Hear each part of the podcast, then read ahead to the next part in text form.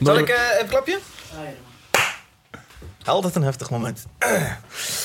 Ja, zal ik eh, beginnen?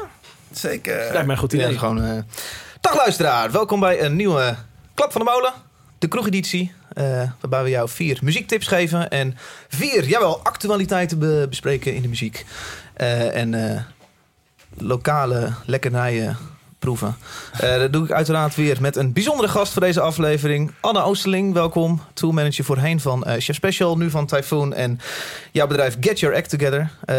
En The Usual Suspects. Martijn Groeneveld, eigenaar van deze studio, Mailman. En naast mij, jawel, het woord is eerst aan jou. Alfred van Luttekhuizen, zanger van de De wereldband Tusky. Wereldwijd. Hey Alfie, Zeker. Hoe is ie? Het voelt echt alsof we elkaar eh, vorige week nog gezien hebben. Nou, In deze setting kroegeditie was drie weken geleden. Ja, het voelt echt eh, Ja. heel dichtbij. Vind ik leuk. Hoe is het? Goed. Ja. Rustig. Goeie jaarwisseling gehad? Ja, Nou. rustig in een dorpje ergens in het oosten, noord, nee, midden, bij Deventer. Bij Zutphen, ja. Ja, niet zoveel gedaan. Ja. Eh, met een paar, eh, waren een paar baby's aanwezig en een kleuter. Ach joh. Worden oud hè? Ja, je nou dat soort Nou eh, ja, oud en ja.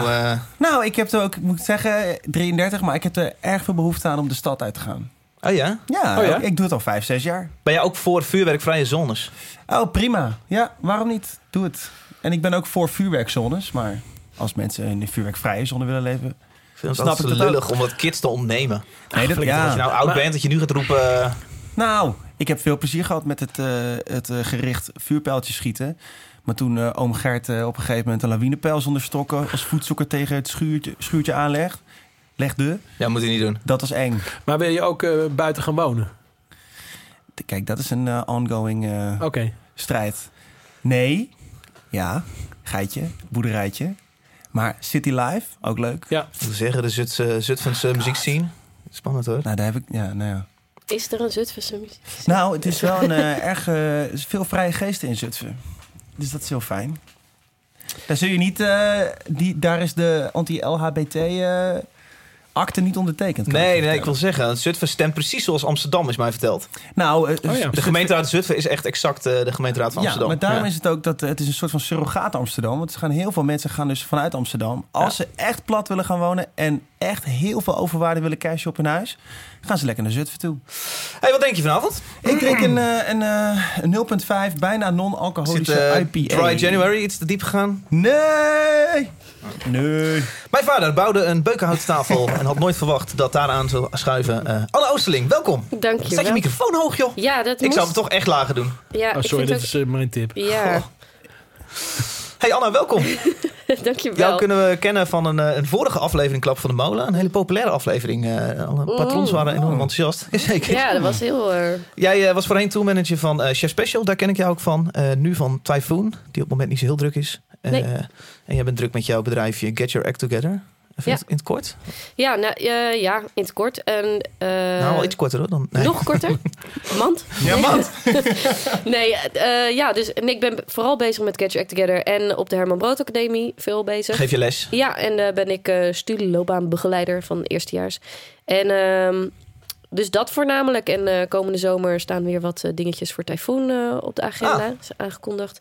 Dus ehm, ja, Was ook weer een plaatje aan dan? Of... Oh, geen idee. je trekt een heel spannend gezicht. Is dat zo? Oké.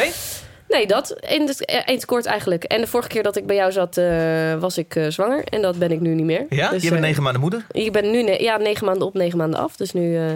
Leuk, daar gaan we het uitgebreid over hebben zometeen. Oké. Hey, jij zit er een theetje vandaag? Ja, nu nog wel, ja. Zometeen schakel ik denk wel even over. Oké. Ja. Naast jou, eigenaar van Mailman Studios met Martijn Groeneveld. Ja, Dat hoef je niet meer te mij. Daar hadden we al eerder over gehad. Hoe is je Martijn?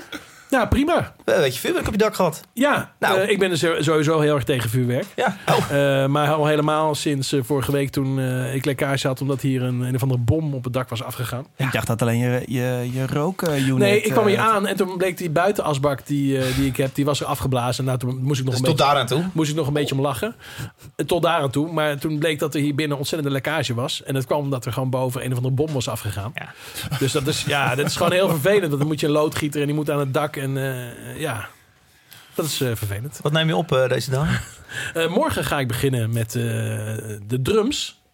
Oh, ze staan al. Ze staan alweer. Kijk wat oranje. Voor, eh, Wat een heftig ja, leuk, drumstel. hè? Ja, ik Ja, vind dit echt een doorzichtig. vet drumstel. Ja. Teletubbies ding, joh. Doorzichtig drumstel. Van eh, Bottles of Love. Bottles of Love. Bottles of Love. Willem Jonker. Dordrecht. hè? Ja. Ja. precies. Leuk. Die heeft hij al een keer de EP opgenomen. En we gaan nu de tweede opnemen. Eh, gaan we morgen gaan beginnen. Dat is toch met al die EP'tjes, hè?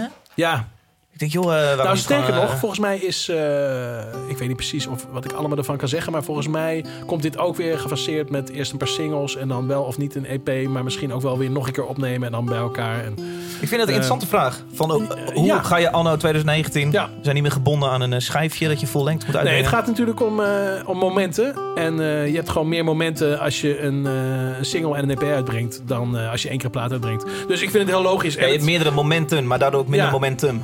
Eh, ja, maar het, het gaat dus om meerdere. Eh, eh, dat is belangrijker dan meer. Ja. Eh, en het is tegenwoordig ook niet meer gek als je twee platen hebt uitgebracht om daarna nog een EP uit te brengen. Dat vind ik wel een leuke ontwikkeling. Ja. Ja, dat zie je heel veel. Ja, zeker. Dat vind ik ook prima. En ik vind het ook leuk om EP's op te nemen. ja, cool. Dat dus. Wij gaan het hebben over een aantal eh, actualiteiten. Eh, we gaan het uiteraard uitgebreid hebben over Ronald Molendijk. Ja. Eh, je kende hem tot een maand geleden niet. Ik wel, Het maakt niet wel. zoveel uit of je hem gaat kennen of Ja, zo. Natuurlijk Ja. kennen we die. Sorry, Martijn, wat denk je? Oh, sorry. Ik drink eh tarweblond. Lekker. Tarweblond. Lekker weer. We gaan het hebben over Ronald Molendijk. Eh, we moeten het hebben over eh, het fabrieksmatig maken van een hit. En eh, verder zijn er een paar kleine nieuwsitempjes waar we het ook over moeten hebben. Gezellig. Vat ik het zo leuk samen? Ja. Echt, als jullie er klaar voor zijn, gaan we beginnen. Zeker. Alright. What do you do when you're no longer cool now? No longer the singer of the band. But your face is alright for the radio. Go fishing and drinking and listen to the show. This is the soundtrack for tequila. With the sun on your face and your pickup truck. Grab your moonshine and whiskey and fire up that grill.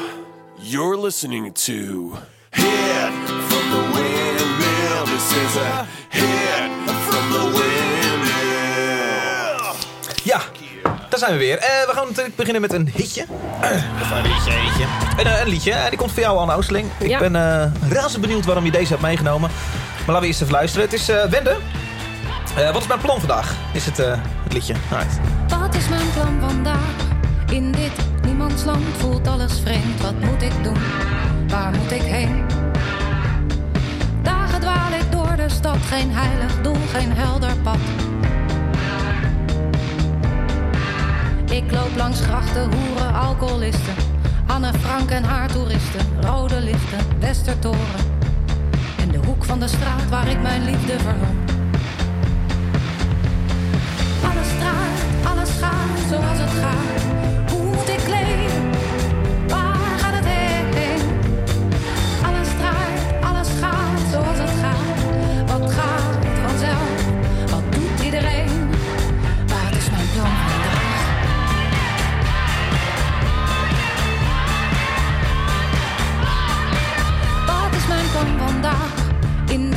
Niemandsland raast iedereen. Wat gaan we doen?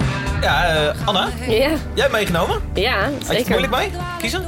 Zo, heel moeilijk. Want ik had namelijk net een lijst gemaakt met echt, eh, wat is het?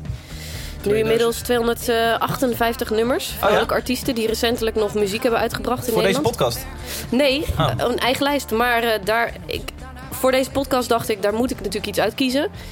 En dat vond ik echt, echt heel moeilijk. Ja. Maar ik moet zeggen dat waarom ik dit gekozen heb. Ik heb zelf een, een eh acteer-theaterachtergrond. Veel vrij theater, improvisatietheater. En, ehm, en dat, ik voel dat heel erg, zeg maar. En eh Typhoon heb ik op een gegeven moment samen met Typhoon... Althans, ik was tourmanager van die theatertour. Mhm. En eh Wende heeft daar heel veel in, in bijgedragen. En, dus dat was een beetje mijn eerste introductie met haar. En toen ging ik daar meer van luisteren en dacht ik... Yo, deze vrouw is echt een soort van powerhouse. Maar dan in een hele rauwe, obscure manier. Ja, obscuur, ja. Ja, en ik vind het heel vet hoe ze... Zeg maar, iets wat toch best wel makkelijk wegluistert. Maar wel ook haar teksten bijna een soort van... Ja, alsof het theaterteksten, monologen zijn, weet je wel. Heel... eh, En het voelt toch als popmuziek. Ja, dat vind ik dus, Dus zo dat, gaaf. dat, dat vond ik heel erg op Noorderslag, heb ik gezien. Nee, ik denk dat het vorig jaar was met deze, met deze platen ook, denk ik. Dat ze toen eh, toerden.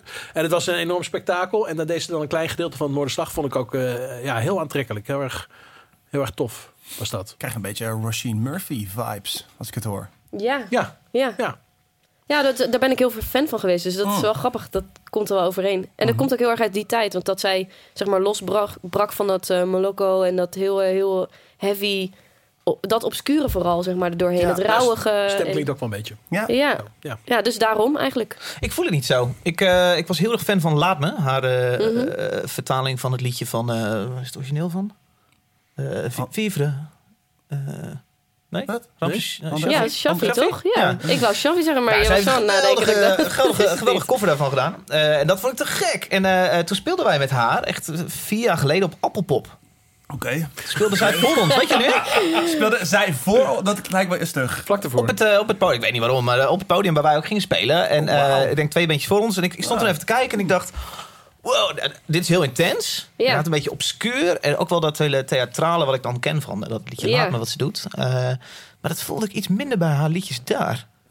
Nou, nou, zij is ook wel eens, ze heeft ook ruigere, ruigere Ja, songs ze gaat- gemaakt zelfs. ja, En dat, dit vond, is- dat vond ik juist best wel vet dat het bijna. ehm, God weet ze. eh, Machine Gun is een nummer van ze.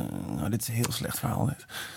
Nou, het is, het, In ieder geval dat het erg ruig is. Dat, het, spreekt echt is- Het palet is heel breed bij haar, Ja. wat, ze, wat ze doet. En ik, bedoel, ik heb ook wel eens inderdaad, eh, uit die Franse chansontijd, misschien wel tien jaar geleden gezien. En dat is natuurlijk gewoon compleet iets anders dan wat ze vijf jaar geleden deed met een Engelstalige plaat. En nu eh, weer hier met deze plaat. Dus ja, ik vind het wel tof dat iemand zo ehm, die uiterste opzoekt. Ja, en dat, doet, en dat, vond ik dus, dat vind ik juist zo gaaf naar ze. Dat ze helemaal loslaat aan wat er verwacht wordt.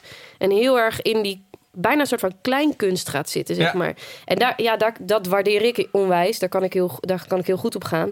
En ik heb ook veel met spoken word. En weet je dus het is wel right up my alley. Ja. Maar ik kan me heel goed voorstellen dat voor veel mensen dit net een beetje te gek is. Of Ja. net een beetje te ruig en te obscuur. Maar ja, ik eh, ga hier heel goed op. Ik had ooit een beetje een oogje op haar. En toen was ze, volgens mij had ze bij jou opgenomen. Ja, en toen hielp ik Klopt, haar... Ze eh, was, was, bij mij in de studio. En, toen en- hielp ik haar met achteruitrijden. Ze van, en laat zien hoe ver ze jullie- zaten buiten met z'n allen te wachten. Ja, Ja, ja, dat klopt. Het is een hele aantrekkelijke vrouw. Ja, Ja, maar ik vind ook, ze heeft zo'n ontzettende uitstraling. Als die binnenkomt, Dat denk je, is wow. het. Ja. Weet je wel, dat je je wordt je ja. soort van overdonderd door haar Zeker, energie en zeker. haar een soort van eh Ja, het, werden, het werden jongetjes van 16. Ja, dat waren we toen ook, denk ik. Hmm. Maar, ja.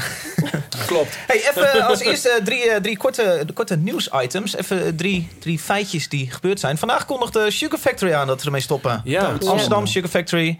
eh een zaalvaartscapaciteit. 300, 400, 400. Ja, Ja. Mhm. er stond best wel veel geprogrammeerd wat ik tof vind. Zeker Eh, vaak geweest. Stopte mee, failliet. Mm. Jammer. Ik heb, er eigenlijk, eh, ik heb het altijd een nare vibes bij die tent gehad. Totdat we daar met eh, de band eh, twee maanden geleden speelden. Mhm. En toen dacht ik ineens, wauw, dit is te gek. Ja, maar het ligt echt aan wat er daar gaande is of zo. Ik ben er ook echt drie keer binnen geweest dat ik dacht, wat ja. moet ik hier? En dan één toffe enough. avond, dan denk je, oh, Ja, best oké. maar de vibe was goed van de zaal. En dan het trappetje omhoog. En dan door een deurtje. Die backstage ook superleuk. Dus alles was eigenlijk heel erg cool. En dat had ik allemaal niet verwacht. Gek dat zo'n pand niet kan draaien. Ik heb het idee dat er best wel goede bands eh, stonden. Nou, Eh, dat ik het leuk vind, wil natuurlijk niks zeggen over het financieel Ja. oplevert. Maar Ja, en ik weet niet wat er, wat er zeg maar aan publiek komt. Nee. Als je moet competen met, weet je Ja. wel, het staat in nog geen drie stappen, struikel je over de deurdrempel bij eh, de Melkweg, Ja. weet je wel. ja. Nou, ik denk dat dat ook sowieso een probleem is van Amsterdam. Je hebt natuurlijk eh, Paradiso en Melkweg. Die eh, eigenlijk geen Amsterdamse podia zijn. Omdat die eh, het gros eh, buitenstedelijk publiek ook, eh, ook trekken. Als je kijkt naar de programmering. Dus die staan ergens anders eigenlijk. En dan heb je heel veel underground dingen die heel erg scene gerelateerd zijn. Wat heel cool is. En ik denk, eh, de- en ook het publiek trekt dus. Dus eh, de, de, nou, de school is een ander voorbeeld. Vondelbunker, Okkie, OC3, nou, noem maar op.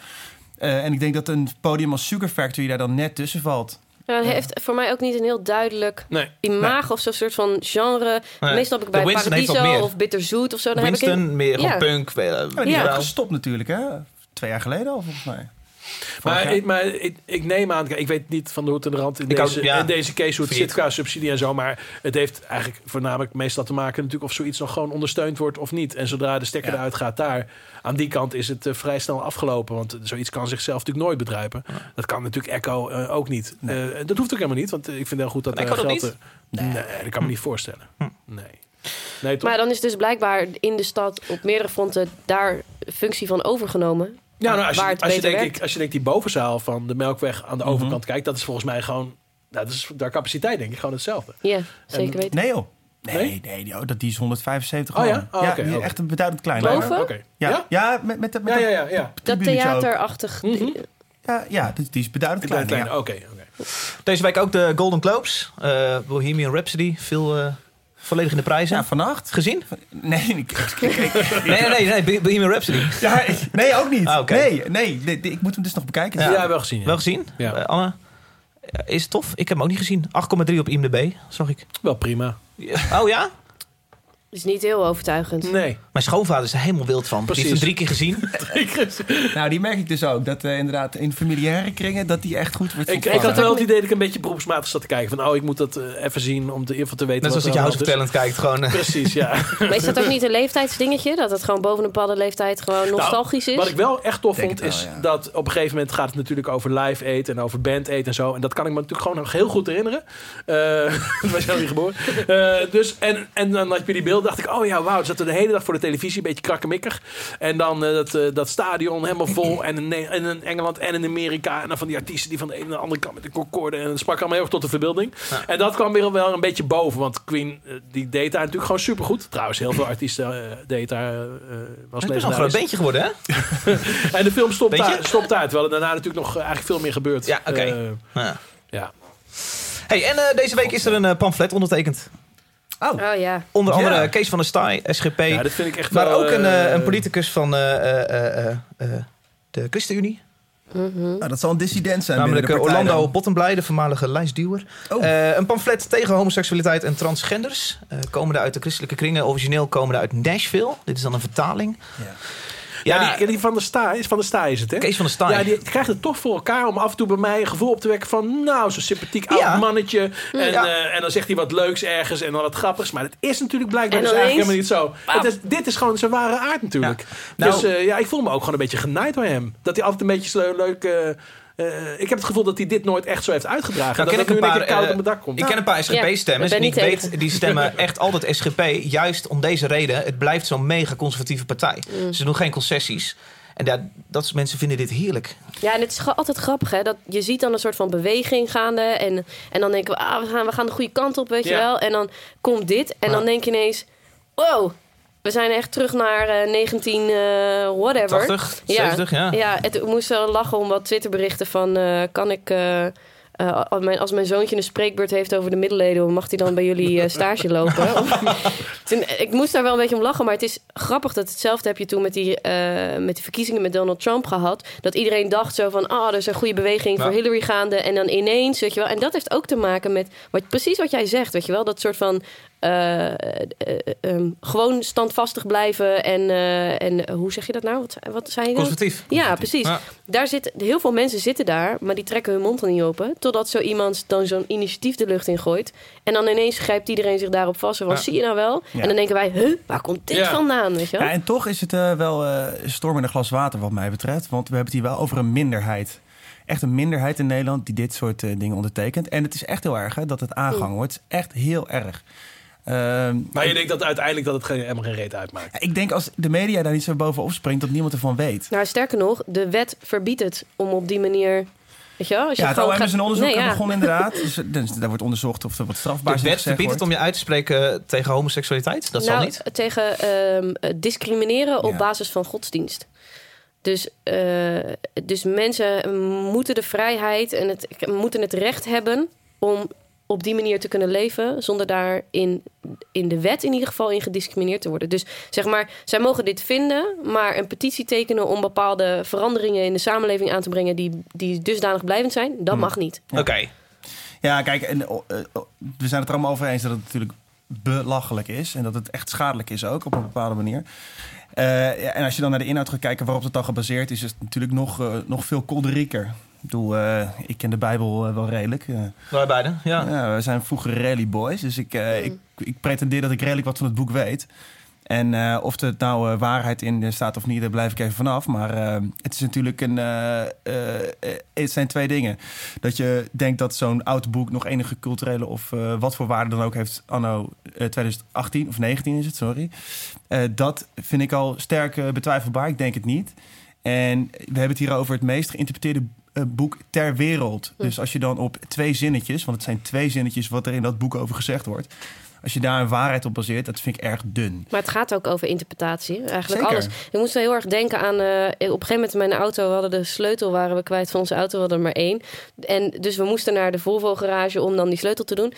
Lang verhaal kort. Die moest van zijn parkeerplaats gesleept worden door een sleepwagen. nou, oppas kon ik niet regelen. Dus ik stond daar met mijn Maxi Cosi, met mijn kind... te wachten op die sleepwagen. En daar komt een man uit, een zo'n oranje hesje om dat te doen. En die stelt zich voor als Ali.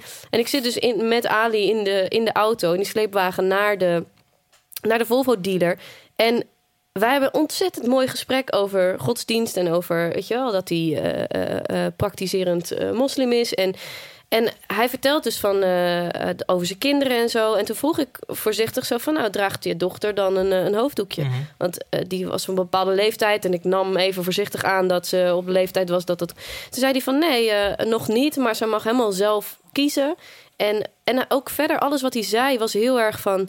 Nou, weet je, wij interpreteren dit. En iedereen mag leven zoals hij is. En we veroordelen niet. Weet je wel, jij hebt je eigen verantwoordelijkheid af te leggen aan jouw God. Niet aan mij. Weet je wel, ik heb daar niks mee te maken. Ja. En ik kan je daarbij helpen. En, en, weet je, en ik dacht echt, wauw, weet je wel, dit is gewoon Hoe, je Hoe- zou willen dat iedereen met een religie eh, het zou nou, en wat, ja, en wat er dus nu gebeurt, is dat een heel groot deel van de mensen die, eh, die christelijk is, nu over één kamp geschoren. Weet je wel, wat eigenlijk wat moslims de hele tijd hebben, continu, gebeurt nu juist weer Ja, andersom. Ja. Weet je wel? Dus, Ja. dus eh, eigenlijk heel eh, typerend. Maar waar een moslim continu moet uitleggen... nee, ons geloof is niet slecht. We zijn niet allemaal radicaal. We zijn niet... Krijg je dus nu ook weer een kleine groep waar jij het over hebt. Die minderheid. Die het dus nu weer moeilijker maakt voor een meerderheid. Eh, die dan moet zeggen... nee, maar... Nee, maar redelijke mensen eigenlijk. zo, eh, zo zijn we helemaal Ja. niet, weet je wel? Martijn, Ja. jij zit in een eh, flamboyante gayband, Fata Boom. Ja. Neem aan dat je dan een appgroep hebt ook eh, met, met, met z'n allen. Jazeker. Ehm hoe, val- hoe meteen valt zo'n nieuwsartikel in zo'n appgroep? Eh, nou, Of is het hier niet over gegaan? we hebben het hier vandaag niet over gehad. Nee, we bestonden vandaag twee jaar. Dus Ah, heel gehad. En over voorbereidingen voor de Noorderslagshow. Ja. Nee, eerlijk gezegd, nee, sorry. Maar we- dit is wel een thema waar wij het wel over hebben natuurlijk. Ja, Eh, en lekker er graag tegenaan schopt. eh, ja, maar wel, ja, maar wel, op een, wel eerst over nadenken en dan er iets over vinden. Ja. Ja, we hoeven ook niet live dat de hele tijd natuurlijk daarover te hebben. Dat vind ik ook onzin, want het gaat uiteindelijk om Jullie begeven je in kringen waar dit al lang geen issue meer is. Nou, nee, dit is, dit is wel echt een issue, denk ik. Maar wordt er, eh, zijn jullie ook op, eh, op social of op bepaalde momenten eh, heel erg uitgesproken over bepaalde Ja, onderwerpen? Ja, we Of- hebben, nou ja, als er wat meer ruimte is, dus wel een keer bij 3FM gehad en een keer bij andere interviews. Als er wat meer ruimte is, dan wordt er zeker over gesproken. Ja, ik- denk dat als het om social media gaat, ja, dat zou ik gewoon uit mijn hoofd niet weten, want doe, ik doe dat gedeelte niet van, eh, weet je wel, ik maak de muziek. Ehm, nee, dan gaat het, toch, mm, gaat het toch eerder inderdaad over ietsje meer dagelijkse dingen als shows en eh, nou ja, eh zulke dingen. En wat minder. Ik, denk, ik weet niet of nou Instagram zich leent om. Weet je wel eigenlijk natuurlijk een discussie hierover hebben. Of je wilt het een beetje uitleggen. Maar Ja. of, of je nou, als je het hebt over een kort statement. Of daar, dat nou de, de beste weg is, dat weet ik niet. Nou, het, het is een, een weg, denk Ja. ik. Het is, als maar ja, dat, ik denk wel als je dat soort statements gaat maken... vooral toe ruimte is heel belangrijk inderdaad. Die zou zeggen, als je jullie, als je jullie show ziet... eh, dat daar vanzelf een gesprek over ontstaat, waar dan ook. Maar als je op social media een statement wil maken... dat je dat wat donders overdag moet doen... en ook echt een langdurige eh, eh, relatie met die statement aan moet gaan. Ja, Eh, dat je het niet eh, iets dropt en weg bent. Ik bedoel, ik, ik- Nee. ja, Maar ik denk in- in ja, het- Ja, sorry. ja. Nee, nee, nee. Ja, ik vind het wel interessant. Ik denk dat in het geval van Fata Boom dat zoiets is al altijd onderwerp, zeg maar. Dus Ja. dat, het, het zijn al kernwaarden die in zo'n act zitten. Dus ik denk dat met dit soort onder, zeg maar, met, met zo'n nieuwsbericht. Dat dit helemaal niet een soort van gek is om daar iets over te zeggen. Want het sluit gewoon onwijs aan in de Ja. lijn van waar je het nee, over heb je hebt. weet gelijk. Ja. Dus ik zeg maar, ik zou niet zo snel bang, zo snel bang zijn om daar iets op social media over te zeggen. Oh nee, maar bang ben ik ook niet alleen. Het is nu niet gebeurd. Maar, eh, en ik merk ook wel trouwens, als ik, als ik dan bij een show ben in Amsterdam, dan, eh, dan... En het is een eigen show, een eigen clubshow, Paradiso. Eh, dat daar die hele gemeente die er is, al die mensen die er zijn, die denken natuurlijk allemaal hierover redelijk hetzelfde Ja. na. Dus dan is het ook meteen zo'n issue. En ik merk heel erg als ze bijvoorbeeld ergens op een party staan. Ik ben in Utrecht een keer op een studentenfeest geweest waar ze speelden. En daar is het natuurlijk een heel ander verhaal. Daar staan gewoon, er staan gewoon jongens en meisjes van 17 die net uit eh, Venlo komen en hier gaan studeren. Die staan zo te kijken. Die hebben het gewoon nog nooit in het echt gezien. Want, eh, nou ja, dat is misschien een beetje generaliserend. Maar Dat is wel een heel groot verschil. Dus je merkt wel dat op hun eigen shows... eh, daar natuurlijk eh, ja, collectief gewoon heel erg vrij op deze manier over gedacht wordt. Ja, maar ik denk dat wel, want ik heb wel eens eh stage management in Amsterdam gedaan. Toen stonden zij geprogrammeerd. Het was denk ik twee jaar geleden of zo. En ehm, ja, niemand kende ze eigenlijk nog heel goed. En ik werkte daar natuurlijk met allerlei technici. Er waren veel jonge gasten. En zij kwamen het podium op. En ik, en ik weet nog dat echt gewoon volledig gechoqueerd stonden ze daar. En voor mij was het niet zo heel veel nieuws. Weet je wel. Ik ging ook uit in Amsterdam. En, weet je wel. Dus dat, ja, ik vond het niet super gek. Eh, zij waren helemaal een soort van, eh, Ja. wat is dit? Dus in die zin, zeg maar, voor mij voelt het dan logisch om niet mensen op die manier achter te laten, maar juist ook op, op een moment en op een plek waar ze rustig dat kunnen lezen, ze Ja. een, stukje context kunnen geven en een stukje, weet je wel, Ja. een soort van human to human, weet je, er zitten mensen achter die achter die hele ehm, show, zeg Ja. maar. In de lijn van Kees van der Staaij eh, leeft ook Ronald Molendijk. Gaan we het zo meteen uitgebreid over hebben. There was a time when we walked by the docks. I told you I'd need you all in my life. And watching the tugs rolling by together. Do you remember? Do you remember the lights on the shore? How they reflected the rain on the road. I believe that you loved me alone. It was real. Do you remember? Now and then I see your face. I've been wanting a loving embrace. I've been looking for love, but it gets me nowhere. Oh yeah, yeah.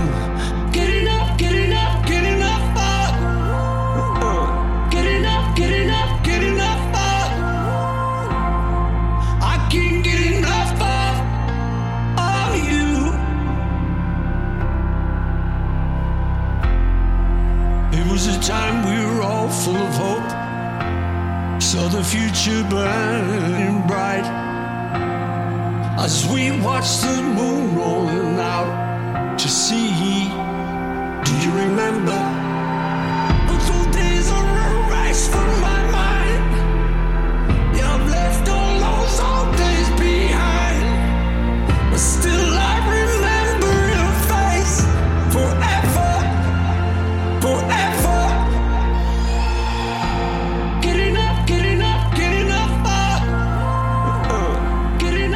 Als Elton John en Bonnie Ver een kind zouden krijgen, nou, komt dit nummer eruit. Ik vind dit zo fucking gaaf. Paul McCartney heeft zichzelf opnieuw uitgevonden. Eh Martijn, jij hebt het meegenomen. Nee, maar heeft. Oh, nog even een klein stukje. Oh, Gelukkig. Je wordt nog een klein beetje beloond als luisteraar. wat? Nou, dan gaan we het uitluisteren ook.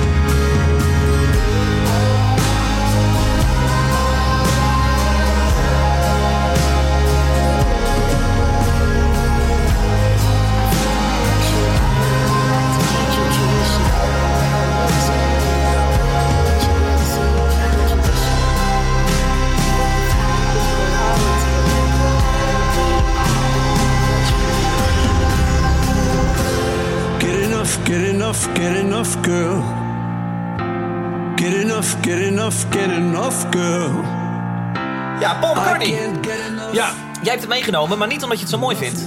nee. Eh, Je bent ook daar de niet in. eh, toen ik eh, dit voorbij zag komen... Wanneer kwam het uit? Vorige week ergens? Eh, 1 januari. 1 januari. Toen heb ik het even opgezet. En, eh, want ik was wel benieuwd. Eh, ik vind eh, eh, het werk wat hij... Hij heeft eh, nogal productief geweest volgens mij het afgelopen jaar. Eh, Een paar platen volgens mij is er uitgebracht. Of Oké. een paar losse singles. Of in ieder geval een hele plaat. Die vond ik eh, tof. Toffe dingen op staan. En ik draaide dit. En eh, ik dacht, eh, wat is hier aan de hand? Dus ik een beetje googelen, een beetje Wikipedia kijken, een beetje lezen. En, Zag je dat eh, hij een vocoder had aangeschaft? Potdom heeft die Voco eraan nou, eh, ehm, eh, de Beatles waren in de jaren eh 60, eind jaren 60, begin jaren 70 natuurlijk heel progressief in een opnametechniek. Ik heb daar heel veel over gelezen. Ik heb er ook heel De veel boeken over staan. Ja, de, hij heeft ooit een keer in een bandje gezeten, de Beatles. Nee, nee. Ehm, eh, en eh, daar vond ik ook over, wat over op het internet over deze productie. Dat ze het leuk vonden om gewoon weer wat progressiefs te doen. Hè, dus Ja. met die autotune. Ja. Eh, omdat zij eh, hun hele bestaande Beatles eh, altijd heel erg vooruitstrevend geweest in opnametechnieken. Als het toen de autotune was geweest, dan, dan hadden ze hem ook meteen gebruikt. Ja. Maar, kijk, ik vind dit dus gewoon helemaal niet zo progressief. Want eh, we hebben die autotune nou eh, 20 jaar. Nee, en nou, nou, nou, is al vaker gedaan. nou, dat is niet alleen vaker gedaan. Het is ook nog eens een keer veel vaker, veel beter gedaan. En eh, ja, kijk, even ik- eentje, noem ik- even eentje. Ik vind dit, ik vind dit hele... Nou, heeft Ja. het veel beter gedaan. Eh, ik vind dit dus helemaal niet progressief. En ik snap niet dat mensen dat denken. Dit is toch, dit is toch juist... Dit is nou een gepasseerd Maar station. voor- Nee, laat me even uitpraten. En wat ik dan dus ook nog eens een keer vind... is dat hij het super lelijk zingt. Eh, het is echt een beetje... Een, beetje echt nou en. Nu moet je echt stoppen. Ja, ik vind het te lang Waarom duren. zou je dit progressief moeten vinden? Het, Nou, is, het hoeft toch helemaal voor niet hem een hele oude man toch heel progressief? Nee, maar, nee, maar ja, ik vind het niet progressief, maar ik vind het nog steeds Nee? best wel cool. Nee, oh, oh, nu is het... Nee, nee. Nee, ik dacht dat je het daarom cool vond. Nee, helemaal niet. Maar los van cool, het is ook best wel mooi. Ik vind het gewoon een mooi Vind je dat mooi? Ja. Oké. En juist imperfectie, als je iets niet goed zingt, is het toch juist, kan het Nee. toch juist heel cool zijn? Nee, het gaat me niet om imperfectie. Ik vind dat hij het lelijk zingt. Dus het, oké. het, het, Nee, het, dat is je zo mening, het is ontzettend keihard gecompressed. Dus je hoort heel erg veel bijgeluiden en het hijgen en zo. Ja, maar daar heb ik dus nooit last van. en hè, komen een beetje Daft Punk-achtige Ja, vocals. En dat, eh, dat vind ik... Ja, dat is ook gewoon niet per se van nu. En ik vind het gewoon niet zo mooi. Maar je brengt bij mij echt het tegenovergestelde teweeg. Ja. Ik ga dit heel veel opzetten de komende maand. Sterker nog, de luisteraar van deze podcast Nou, dat is goed kan dit vinden in de Spotify-playlist Klap van de Molen. En die gaat het ook nog heel vaak luisteren, denk ik. ik ja. Ja, ik voelde hier niet zoveel bij dat hij nou... Kijk, ik vind het heel tof als je nieuwe dingen probeert. Maar kom dan met iets echt nieuws. Dat is heel moeilijk. Dat, eh, dat zal ik niet ontkennen. Dus eh, ik verwacht het ook niet elke keer. Maar ga niet denken dat je hier iets vernieuws mee doet. Dat is toch Nee, oké, prima. Dat, dan vind je dat niet. Nee. Komt er een plaat of zo? Is Nee, er volgens plaat? mij is er net een plaat uit, eh, een paar maanden Is dit een nummer van die plaat dan? Nee, volgens mij staat het nummer niet op de plaat. Oké. Nee, ik snap wat je bedoelt. Als je het zegt, dit, moet, dit is progressief bedoeld en dan is het het niet. Is En- het niet. Nee, vooruit. Maar ik vind het allemaal best wel mooi. Echt waar? En ik vind het geweldig als dat dan zo'n... zo- zo- dat, dat einde van dat nummer dan... Ik wil heel graag even het woord geven aan Anne. Nou ja, ik heb wel een leuk brugje. nee, ja, leuk brugje. In de lijst, die vrouwenlijst die ik heb gemaakt, daar staat ook Famke Louise in. Daar heb ik echt zoveel shite over gehad. Ja, ja. En het grappige daarin is, de, één iemand die zei van ja, eh, sorry hoor, maar dat hoort er allemaal. eh, je zei dat het een lijst van eh, eh, goede muziek was, zeg maar. Hoort er Heel dan even, jij hebt een lijst eh, met alleen maar vrouwelijke artiesten gemaakt. eh, Ja. eh, als reactie op Ronald Molendijk, Ronald Molendijk, ja, ja. om te laten zien, kijk, deze vrouwen zijn er ook. Ja, nou, deze zijn vrouwen zijn er ook. Letterlijk de zin, en die heb ik gewoon overgenomen als quote. Vrouwen maken gewoon minder snel goede muziek. En die lijst heb ik aangemaakt. En daar ben ik gewoon alles, en ook zeer recent, uitgebrachte muziek van Nederlandse vrouwen. Of Ja. bands die vrou- vrouwen in de band hebben. Ehm, of muziek die geproduceerd is door vrouwen of ingespeeld is door vrouwen. Nou goed, eh, you get the picture. Maar Famke Louise, waarom zit Ja, zij nou, erin? nou goed, dus er wordt er gezegd van ja, is dat nou echt muziek? En eh, weet je, zo'n YouTube-sterretje wat dan zichzelf heeft omge... En dan denk ik van ja, maar je kunt erop gaan haten. Maar het staat niet voor niets in de, in de charts. En nou, eh, wel gezegd hebben dat Spotify-charts niet volledig representatief zijn voor de volledige muziek. Maar het staat in de charge omdat zij als vlogger natuurlijk heel groot is. Nou, dat denk ik niet alleen. Ik denk dat mensen met veel plezier ook naar die tracks luisteren. Als ik naar bijvoorbeeld mijn nichtje, die echt eh, flink wat jonger is, eh, kijk, die luisteren dat gewoon echt omdat ze het leuk vinden. Ehm, dus dan denk ik ook, en toen zei ik als reactie, zei ik van, eh, ja, maar ja, als ik het op smaak doe, weet je wel, dan zou bijvoorbeeld een, een Doel of een Ellington Damme er ook niet in staan voor mij, want dat, dat is dan niet mijn smaak. Nee, En daar gaat het ook helemaal niet om. Het gaat helemaal niet om je smaak. Dus daarom is het goed dat je natuurlijk alles ja, inzet. nou goed, het eh, grappige, om dan het punt, zeg maar, het bruggetje te maken. Hij begon namelijk over Paul McCartney. En dat hij dus, het, dus eh, dat ook niet in de lijst zou zetten. Want dat is dan ook geen goede muziek meer, zeg maar. Ja. Dus daar kwam hij op terug, zo van die vergelijking. Ja, je hebt het nu over Ronald Molendijk, en, eh, de muziekredacteur bij RTL Boulevard. Nou kijken we allemaal denk ik dat programma niet. Hij is daar wel de muziekredacteur. En hij deed een paar uitspraken eh, twee weken geleden. En ik heb ze even onder de knop gezet. Oh, Eh, ja. dit zei hij. doe, hè, dat, er, dat er te weinig vrouwen in de lijst zouden staan. Ja, maar daar kan Radio 2 niks doen. Eh, vrouwen maken gewoon minder snel goede muziek. Er zijn ook minder vrouwen in de muziekbranche werkzaam. Dat is nou eenmaal hoe het is. Ja, hij zegt vrouwen maken nou eenmaal niet zulke goede muziek. Hij zei ook dit. Mannen zijn per definitie ook meer eh, senang in een studioruimte. Eh, dus toch wat meer gekkie. Mannen voelen zich meer op hun gemak in de studio. En hij zei dit. Eh, En je moet gewoon een hele lange adem hebben om succesvol te zijn in de muziek. Eh, eh, Kijk maar naar deze lijst en er staan verschrikkelijk weinig vrouwen in. Dus hij zegt ook vrouwen eh, hebben eigenlijk niet zo lange adem.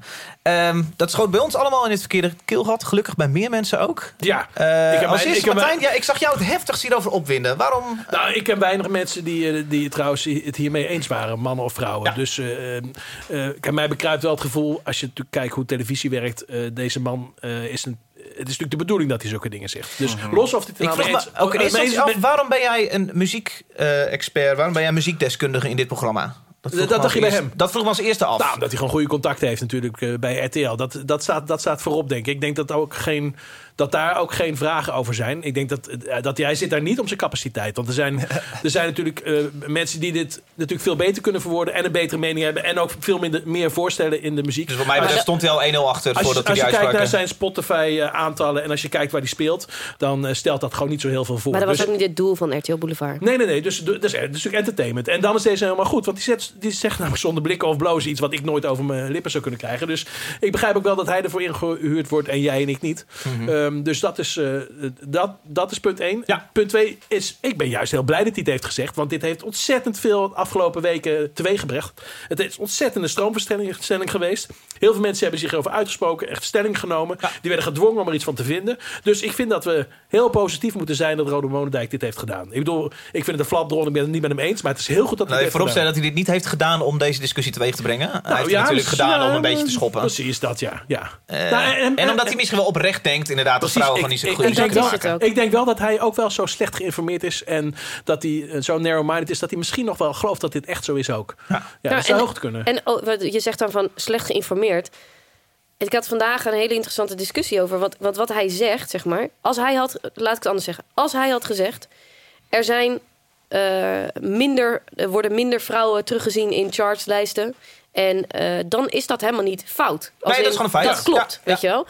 Waar het er mis in gaat, is dat hij een reden geeft voor waarom dat is, Ja. die helemaal niet Dus klopt. er is een gevolg en hij brengt zelf een paar oorzaken Ja. die het eventueel Juist. zouden kunnen zijn. Maar hij brengt het niet als dit zou het eventueel kunnen Nee. zijn. En- hij zegt, zo is en, het. En, het is natuurlijk televisie, dus moet een hapklare brokken. Moet je gewoon snel een oorzaak hebben. En hij noemt gewoon, nou, vrouwen zijn minder, minder goed, punt. Je ziet er in, de, in de, de helft van de mensen in de studio denken, wat zegt hij nou? Maar niemand durft er wel tegen, tegenin te zeggen. En dit is gewoon hoe televisie werkt. Maar er gebeurt hier eigenlijk hetzelfde als wat met Kees van der Staaij gebeurt natuurlijk. Eh, hij interpreteert de cijfers gewoon niet helemaal goed. Ja. Maar dat, zijn komt, dat komt ook omdat het hem. ehm, daar heb ik nog over na zitten denken. Van, weet je wel, dat je, als je ook naar hem kijkt, hè, dit zegt hij gewoon omdat hij het ook echt gelooft. Ja. En dat is heel typerend voor een man. En dit, eh, dit, eh, dit gaat even heel eh, kut klinken. Maar voor de white middle-aged dude. Die. k- Sorry, jongens. Dat wordt geweest naar Martijn. Ja. Laten we vooropstellen dat Martijn gelukkig een heleboel goede ervaring heeft. Maar die komt dit niet tegen. Die heeft hier geen ervaring mee. Die, Ja. die ziet niet waar Hier moet je wel mee oppassen. Met, want nu wijs je als vrouw een vinger naar een man en kan een Mm. man denken... ja, eh, ik heb niet eens mijn zin om met jou te praten. Mhm. Fuck it. En je, dit, dit kan wel averechts werken. Ja, ik, ben vind juist wat ik heel leuk geweest in de... In de, in Wat de, ik heel leuk aan jou vind, is dat jij eh, niet zegt... eh, eh, vrouwen moeten dit, vrouwen moeten dat. Nee. Jij, jij zegt, ik ben toolmanager ik in een mannenwereld... en ik laat zien dat ik als vrouw daar mijn mannetje sta. Eh, dat vind ik heel erg cool. Mhm. Ja. Maar nu ben je wel natuurlijk met je vingertje aanwijzen. En, eh, Nou, ik heb het wel specifiek, zeg maar... Dus ik probeer dan na te denken van... hoe komt dat dan, hè? Dat zo iemand dat denkt. Mhm. En wat gaat daar mis, zeg maar? Want ik heb een andere ervaring. Ja. Dus eh, ik zeg dit nu vrij hard. Ook aan omdat ik weet dat jullie in datzelfde spectrum snappen... wat ik daarmee Mhm. bedoel. Maar eh, kijk, er gaat in, in zijn beleving... daar zit iets, weet je wel? Daar zit iets wat hij, wat hij niet eh, ziet... en waarom hij het idee heeft dat dat zo is. ja. En dat vind ik wel interessant. Dus ik zeg niet dat- dat al die mannen dat niet snappen. Ja. Ehm, maar in dit geval, ja. Ehm, wat, wat hij zegt specifiek over, over in de studio. Ehm, Vrouwen zijn minder goed op hun gemak in de studio dan mannen. ik, begrijp, ik begrijp, als hij ervaring heeft met zowel met mannen werken in de studio als met vrouwen werken in de studio, dan begrijp ik wel waar deze opmerking vandaan komt. Maar dit is ook weer gewoon een soort vreemde conclusie trekken uit de ervaring die je hebt. Want ik heb natuurlijk heel veel met mannen gewerkt en ook heel veel met vrouwen gewerkt. En ik merk natuurlijk wel degelijk dat er verschil is in een artistiek proces, Mhm. of een opnameproces, of een heel project. Een verschil tussen man en een vrouw. En dat komt gewoon, en dan ga ik ook heel erg generaliseren, maar dat komt denk ik omdat mannen gewoon iets botter, ehm, makkelijker. Eh, mening hebben over zichzelf en, eh, of over iets anders. En het makkelijker vinden om daarmee om te gaan. En dat dat misschien bij een vrouw, ik zeg nu misschien iets heel gevaarlijks, dat, dat, dat dat in ieder geval op een andere manier werkt. En ik denk dat hij dat gewoon op een hele botte manier denkt. Nou, met vrouwen kan je dus niet werken, met mannen kan je dus wel werken. Maar dat is, het is helemaal niet gevaarlijk om dat te zeggen. Want dat is ook gewoon waar. Ja. Ik bedoel, Ja, wij zijn ook niet zegt- hetzelfde. Ja. Eh, wa- wat, ik, wat ik interessant vind, jij bent natuurlijk een man. Eh, op dat moment is er een mannelijke producer Ja. eh, aan het praten tegen eh, degene die opneemt. Eh, eh, zou dat nog van invloed Nee, kunnen zijn? nee, zeker, ja. ja. Ja, dus ik, ja, dat heeft, het heeft allemaal invloed. Hey, als, ik, eh, als ik met een. ik, ik, ik, ik geef dit voorbeeld wel eens vaker. En ik vind het een beetje gevaarlijk om het hier nu te zeggen, maar en, en niet in een studio-situatie. Maar als ik met een man vocals opneem en het gaat niet zo goed, en ik zeg dat, dan de gemiddelde man die denkt of, nou, dat maakt zelf wel uit. Eh, of hij denkt, eh, oh kut, ik moet hier wat aan veranderen. Ik vind het lekker als jij dat tegen mij zegt. Wij hebben Dus- samen dus- opnames Dus je hebt globaal, zeg maar, Ja, eh, zoiets. Als je bij een vrouw zegt dat het niet zo goed gaat, dan is hij ook bezig met het feit van hij zegt dat het niet goed gaat. En dat zal ik in ieder geval met een man-op-man situatie werkt dat anders. Die zal zich iets minder aantrekken van wat ik ervan vind, of, of daar makkelijk overheen stappen. En ik weet dat als je, als je kritiek leeft in een, in een artistiek proces, dat dat bij vrouwen in ieder geval anders werkt. En ik denk dat hij dat bedoelt. Ja, maar en, dat dat, is, en daar zit wel wat heeft, in. heeft hij ervaring met opnemen met vrouwen? Ja, vast wel. eh, Ja, en hij, zit een beetje in die danshoek. Dus eh, hij heeft vast wel een keer met een zangeres in de studio gezeten. Ik denk dat hij dat bedoelt. Hey, er kwamen verschillende reacties, onder andere van Tim Knol. eh, maar ook iemand die een open brief schreef was Lakshmi. Een eh, zangeres die eh, eh, veel te zien is op verschillende plekken. Ik kan zo niet per se zo direct muziek van haar Ik kunnen heb een plaat mee opgenomen. zingen. Oké. Ehm, ze had een open brief naar hem geschreven en de toon was lekker fel. Dus dan word je enthousiast en denk je, yes, dit is lekker. Eh, zij schoof aan bij het programma Boulevard en eh, had daar iets over te zeggen. Dat ging een beetje zo. Denk je dat dat komt omdat vrouwen minder ambitie hebben, om minder lange adem hebben, minder goed zijn in de skills van songwriting of van whatever? Ambitie, Om- nee, ik denk ambitie hetzelfde. Maar Ja. uithoudingsvermogen, ik denk dat daar een punt is. Dat denk ja. jij. Ja, ik vond het cringe-worthy. Ik vond het verschrikkelijk hoe die discussie liep. Vooral Ja. ook omdat zij gewoon niet... eh, het is heel vreemd dat ik telkens het mannetje eh, staan zeg. Maar zij stond gewoon vooral niet haar mannetje. Zij kon hem niet echt aan. Nou, het, was, het, het hele gesprek nou, hij liep een laat beetje... haar ook niet uitpraten. Ah, ook dat. Maar Nee, maar... Ja, dat vind ik. Ja, het, was, het was gewoon een beetje Hij ongelukkig. ging heel Ja. vervelend ging hij op de feiten zitten. Van, ik heb niks geks gezegd, want de feiten zeggen dit en dat. dit, en dit, hij... dit had beter uit de verf kunnen komen. Dat is Mm. wel jammer Ja, inderdaad. maar dat is gewoon, kijk, je als je in zo'n studio zit, eh, even ongeacht of je nou een man of vrouw bent, als ik voor het eerst bij Boulevard Ja, schijt ik in mijn broek. Ja. Dan kom ik ook in vijf minuten niet helemaal. Weet je? Dus, dus het was Treintje op de bank. Nou, ik vond dat, dat wou ik eigenlijk zeggen. Ik vond eh, het treintje Oosterhuis zat op de bank. Ik vond haar zo sterk. Die ging, daar, die ging eigenlijk om die discussie heen. En eh, eigenlijk gaf ze aan van ja, ehm, ik herken me niet helemaal in het feit dat ik, ik heel veel last heb gehad van een mannenbusiness. En zij, ze ging er eigenlijk omheen en zegt van eh, kom op, wij hebben het over ladies, let's go. Gewoon, we gaan gewoon knallen. Ja, Toen- maar- dat- dat ja, was- het- ja. Ze ontrok zich, ze, deel, ze nam helemaal niet deel aan die discussie. Maar ik vond wel, zij als echt, echt ervaren zangeres, 25 jaar waarschijnlijk al zoiets, veel succes, ook al 25 jaar succes. Eh, Ja, maar dat is natuurlijk ook wel makkelijk om er omheen te Ja, stappen. nee, maar tuurlijk. Ja, mag ik dan ook een voorbeeld geven? Ja, Want ik- vorige keer was ik bij jou als tourmanager hier aan tafel. Hè? En eh, we hebben toen ook wel eens gehad over de dingen die ik meemaak als vrouw, als tourmanager in, Ja. de, in de industrie. Jij noemde het voorbeeld eh, dat jij werd aangesproken door de technici op een festival. Het, het achtergrondzangeresje. Het, ja, wat een pittig zangeresje Wat een pittig zangeresje. Ja. Jij bleek de Eh, tourmanager, de vrouw die alles regelde. Ja. Eh, het negeren, gewoon niet naar je luisteren. Eh, het- ik heb echt genoeg voorbeelden. Maar wat, wat ik vooral merkte Ik is... heb ook voorbeelden waar het jou wel lukt, eh, dat jij mij dus wegstuurt. Maar daar hebben we het toen uitgebreid over gehad. Ja, maar we hebben het ook al gehad over dat jij dat op die manier al andere verhouding met vrouwen en eh, daar anders tegenaan kijkt. iemand van 40. Meer respect. Ja. Ja. Eh, of respect. Nou goed, laten we het daarbij laten. Punt is dat, ehm, dat het gewoon vaak voorkomt, dat soort momenten, maar vooral weer verdwijnt op het moment dat jij een bepaalde gevestigde naam begint te worden. Weet je wel? Dus wat ik heel erg merk is dat met jouw special de eerste drie, vier jaar waren ploegen. Weet je wel? Was het, oh, daar heb je dat eh, jonge meisje van 1,65 meter die komt vertellen dat het lampje toch echt daar moet hangen. En hoe meer jij gaat toeren en hoe meer, weet je wel, je komt de, al, die, eh, al die geluidsbedrijven, lichtbedrijven, kom je 80 keer tegen. Die kennen jou inmiddels. Als ik nu een podium oploop met Typhoon, en dat heeft ook te maken met dat het de naam van de, van de act, weet je wel, je bent de tourmanager van. En je hebt al een aantal jaar op, weet je wel, inmiddels 10 jaar toer ik.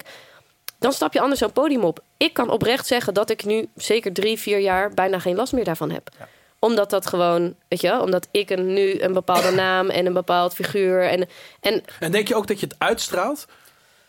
Dat, dat als mensen je niet kennen, dat ze toch voelen dat jij dat gewoon al Nou, dat tien komt- jaar doet. Ja, dat komt ook omdat mijn, eh, ik heb nu meer kennis. Dus Ja. ik, ik kan gewoon in, in jargon en met wat ik wil bereiken... kan ik uitleggen, weet je wel. Ik kan zelf een priklijst erbij pakken. We gaan het even zo doen, weet je wel. Ja. Ja, dan zie je ze echt meteen omslaan. Zo van, oh, Ja. die heeft wel eh, enig idee waar ze het over heeft. En, maar dat is ook een tactiek geworden.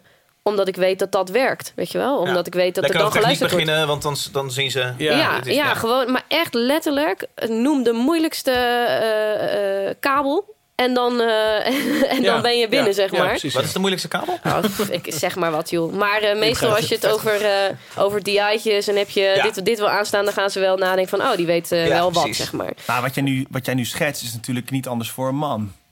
Als ik... eh, in- Nee, maar nee, dit, dit, nee, dit, is, wacht. dit is dus niet Nee, nee, Nee, laat- nee. laat- Mag ik even uitpraten? Ik ben Nee. wel benieuwd. Mag ik even uitpraten? In essentie is het traject niet anders dan een man. Die, eh, eh, ik kom ook als ik... eh, stel je voor, ik ben een tourmanager. Ik begin net. Oké, het traject is niet anders. Ik denk wel dat het een veel langer traject voor een vrouw is. Mm. En daarin verschilt het waarschijnlijk voor een man. Maar dan hebben we het meer over stereotypering, denk ik. Ja, en dat is ook waarom ik zeg, weet je wel, wat jij net zei van, ik zeg nu iets gevaarlijks, weet je wel, we zijn anders, maar dat geeft niet, weet je wel. Wij zijn ook anders. Ik ben niet qua eh, bouw en fysiek alles, ik ben anders, weet je wel. Dus dingen hebben ook anders effect op mij. Eh, ik beleef dingen bijvoorbeeld emotioneler, dat, weet je wel. Maar dat, we zijn ook opgegroeid met Ja, dat precies. dat zo is, weet je wel. Dus wat ik zei over je, je vader die verdiende het geld en die draaide het potje jam open en je moeder die eh, deed de was, zeg maar. Mhm. Dus je, je groeit daarmee op en dat verandert al. Hè? Dus er is nu een hele nieuwe generatie die dat al veel minder heeft, die dus, dus ook bijna geen ervaring mee mee heeft. Maar dat zorgt er ook voor. En ik gaf een goed voorbeeld. eh, een vriend van mij, tourmanager, al jaren eh, van een grote, ik ga dan even geen namen noemen, hè, maar twee meter, vrij groot. Die loopt een podium op. Die zegt dat lampje daar en ze gaan rennen. Ja. Weet je wel? En dat is echt wat anders. En heeft niks te maken met, zeg maar... hij zou geen idee hebben waar hij het over heeft... bij, bij wijze van spreken. Maar hij krijgt het wel gedaan. Dus er, er is een bepaal... En ook bij, eh, bij mannen en vrouwen zelf. Hè? Dus wij zelf zijn ook bevooroordeeld. Dus wij nemen... Ik ben er ook schuldig aan. Dat als er een man en een vrouw naar binnen lopen... dat ik mezelf erop betrap... dat ik dan denk...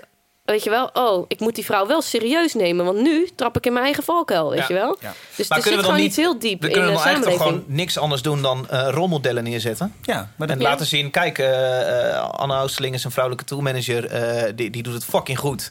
Eh, kijk meisjes, dat kun je ook worden. Ja, nou, dit is denk ik ook wel de reden waarom er veel meer eh, meisjes vrouwelijke of een tourmanager willen worden, niet een vrouwelijke tourmanager willen worden. Dat zou ik ook wel willen. Dat kan hoor. Als je lang bij Fata Boom blijft, dan, Dan gaat het ja, door gaat het vanzelf, vanzelf. gaat het vanzelf uit. Ik, ik vroeg me wel af, eh, eh, de, de radio is natuurlijk al best wel lang bekend. eh, draait meer mannen dan vrouwen. Eh nou vind ik het heel goed dat, dat stations als... dat Volgens mij veel stations, maar ook 3FM doet er aan mee... dat ze proberen eh, quota te halen. Zoveel vrouwen in ieder geval te draaien. Om te laten zien dit of dat. Eh, maar het valt mij op... Of ik vroeg me eigenlijk af, doe ik hier niet onbewust aan mee? eh, doordat ik als man misschien toch iets meer voorkeur eh, heb voor mannelijke artiesten Ja, maar dat komt, dan ook, vrouwen. dat komt ook omdat je het vaker hoort. Dat heeft, dat heeft allemaal met elkaar te maken. Ja, ik denk dat het op zich een goed idee is als we proberen eh, het een beetje gelijk te trekken. Dat er ehm, eh, evenveel mannen als vrouwen op de radio worden gedraaid. En evenveel vrouwen als mannen op een podium staan op een gro- op grote festivals. Want daar is de verhouding natuurlijk ook helemaal scheef. Ja. Maar in een ideaal geval zou je het aan de onderkant aanpakken. eh, inspireer je mensen om die beroepen te gaan uitoefenen. Ja. Komt er steeds meer aanwas. En wordt het eh, vanuit een natuurlijke stroming Maar wordt, dit- wordt dat gelijker. Maar Want- dit betekent mannelijke DJ's op, eh, op, op 3FM zetten. Of eh, sorry, vrouwelijke DJ's op 3FM maar, zetten. Maar ik vind het dus, eh, ik vind dus eh, alleen maar van de andere kant benaderen. Dus die reacties heb ik namelijk ook wel gelezen. Van we moeten gewoon op festivals de helft vrouwenbands neerzetten.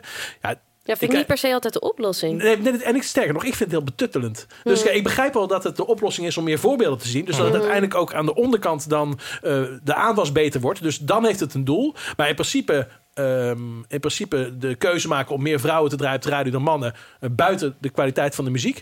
Vind ik betuttelend. En ik- zou als man niet gedraaid willen worden omdat ik een man ben. Maar omdat ik goede muziek draai.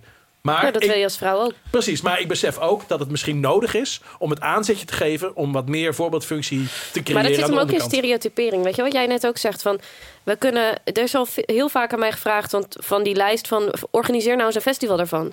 En ik, heb daar, ik krijg daar jeuk van, want ik heb helemaal niet eh, Nee. de behoefte om een vrouw all female. Want ik, dus zeg maar, weet je wel wat jij ook zei van dat vind ik fijne. Ik ben voor gelijkheid, maar niet gelijkheid in dat we exact gelijk zijn, want we zijn niet hetzelfde. gelijkwaardigheid. Maar gelijkwaardigheid. Dat Ja. betekent dat ik dus ook niet dat als ik een foto kies van een bepaalde fotograaf, dat ik niet per se alleen maar naar foto's van vrouwelijke fotografen kijk, maar dat ik gewoon kijk naar wat voor foto wil ik en voor welk doel en dat ik dan kies. Ja. Alleen wat dan belangrijk is en waarom ik ook die, die playlist heb gemaakt en er komt dan nu een site aan, een website aan, dat je wel moet weten dat ze er zijn. En dat die zichtbaarheid, dat is nog wel een probleem. Dus he- het zichtbaar maken mag nog wel een duwtje krijgen, zodat je op een moment dat je een keuze wil maken, een eerlijke keuze kan maken. En dat is nu vaak ook, en ook in awardshows worden dan eh, vrouwen ook op een andere manier eh awarded. Weet je wel, je ziet dat ze minder eh, minder genomineerd worden. En dan dus ook minder gekozen. Dus als je ergens aan de ondergrens daar een eerlijke keuze kan serveren... Mhm. dan hoeft van mij echt niet meer vrouw te zijn, per definitie. Nee, maar dit is een ideaal plaatje natuurlijk, wat hopelijk ooit zo gaat. Nou, maar kijk, je- ik, ik denk dat het ook... ik- we zijn allemaal in de war. Hè? We hebben zo lang, zoveel decennia met een bepaald eh, beeld van de man en een vrouw geleefd. Dus die stereotypering. Eh, dat verandert. Nou, de, de- de- in de jaren zeventig was het een hot topic. En dan eh, dat wijdt dat weer weg. En de laatste jaren, de laatste paar jaar wordt het natuurlijk weer echt een heel hot topic. Wat heel goed is. Dus ik denk dat die verandering uiteindelijk ook wel komt. Maar we hebben wel te maken met een bepaalde. God, hoe zeg ik dat? Nou ja, het is weer een christelijke term. Erfzonde. Mhm. Dat gebruikten wij vroeger heel veel in de Ja. kerk. En die erfzonde is, is dat eh, vroeger was de wereld veel mannelijker dan dat die nu is. In de zin, eh, mannen op machtsposities, eh, de, de rolverdeling man-vrouw. Dat verandert nu en het gaat echt langzaam, maar het verandert wel. Alleen we hebben nog wel te maken met al die rolpatronen die, de, die er vanaf de oorlog tot aan de jaren zeventig eh, echt, echt heel erg eh, dominant waren. Dat verandert nu. Dus aan die kant heb ik echt, ben ik echt overtuigd dat het verandert. Als we maar de juiste stereotypes neer gaan zetten. Ik, bedoel, ik, ik hoorde laatst echt een supermooi voorbeeld. Dat ze in Zweden in de jaren 60, Altijd weer 70... Zweden? Altijd nee, maar Zweden. dat, dat is Pipi Langkous en Ronja de Roversdochter. Wat heeft dat met die vrouwen daar gedaan? Heel veel. Ik vroeg dit even aan Angelique, eh, collega bij 3FM. eh heeft vanmiddag een show gehad. En net na die show belde ik er even en vroeg ik haar precies deze vraag. Ik let altijd op twee dingen. A, of er wel genoeg ook eh, zwarte artiesten in zitten. En B, of er genoeg vrouwen in zitten. En moet je daar Dus moeite voor soms doen? hebben dan... Ja, soms wel. Ja, zeker. Als ik in die tijd heel veel vrouwen op tv had gezien, misschien was dat anders geweest. Weet je, er waren in die tijd ook... Nou, ik hield heel erg van hiphop.